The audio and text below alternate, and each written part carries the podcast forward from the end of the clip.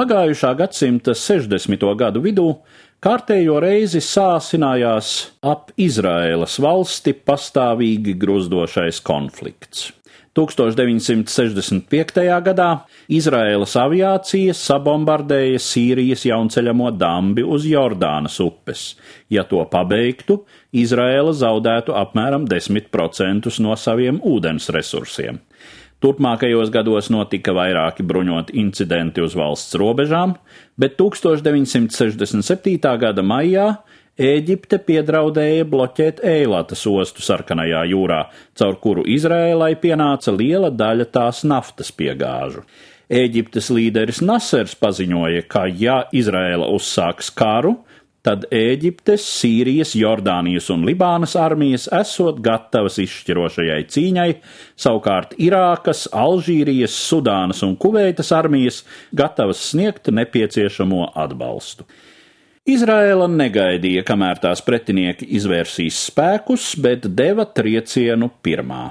1967. gada 5. jūnija rītausmā Izraēlas gaisa spēku iznīcinātāji Mirāž uzbruka Ēģiptes militārajiem lidlaukiem. Precīzi uzlidojumi dažās stundās padarīja visai prāvos Ēģiptes gaisa spēkus kaujas nespējīgus.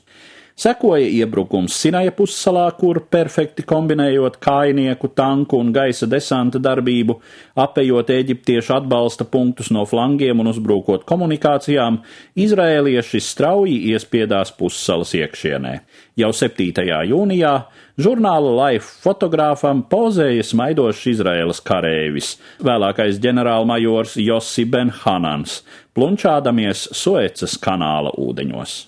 Nākamais mērķis bija Jordānija, kuras armija bija salīdzinoši labāk organizēta nekā eģiptiešiem. Tomēr Jordānijai bija mazi gaisa spēki, pie tam eģiptieši maldināja jordāniešus, sniedzot pilnīgi nepatiesas ziņas par savām it kā spožajām uzvarām. Pārsvars gaisā un operatīvāka rīcība nodrošināja Izraēlas uzvaru, arī Jordānas upes rietumkrastā, kaut gan kaujas ap Jeruzālemi bija laikam gan smagākās šajā karā. 7. jūnijā Izraēlas desantnieki caur lauvu vārtiem iegāja Jeruzālēmas vecajā pilsētā un ar interesi aplūkoja tādas gadu desmitiem neredzētas savas tautas svētvietas kā Raudu mūris un Tempļa kalns.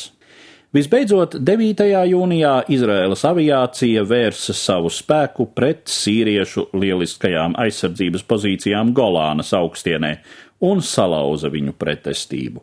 Dienu vēlāk augstiene bija izrēliešu rokās, un tagad nevis sīrieši varēja blietēt ar artilēriju pa Izraēlas ziemeļu pilsētām, bet gan izrēlieši binoklī varēja apskatīt Sīrijas galvaspilsētu Damasku. Militārais konflikts noslēdzās ar spožu Izraēlas uzvaru 1967. gada 10. jūnijā un ieguva sešu dienu kara nosaukumu. Tomēr nebūtu pareizi domāt, ka sešu dienu karš Izrēlai bija tikai tāda adrenalīna uzpumpēšana.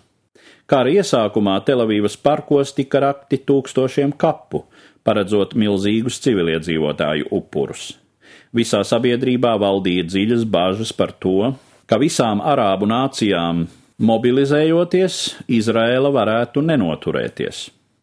Intervijā Dienvidāfrikāņu žurnālistam Winstonam Čērčilam Izraēlas premjerministrs Dāvids Ben-Gurjons tajās dienās sacīja: Valsts izturēs, neko citu mēs vienkārši nevaram atļauties, bet man ir bail par mūsu jauno paudzi. No kara jau allaž nepārnāk, savas paaudzes labākie.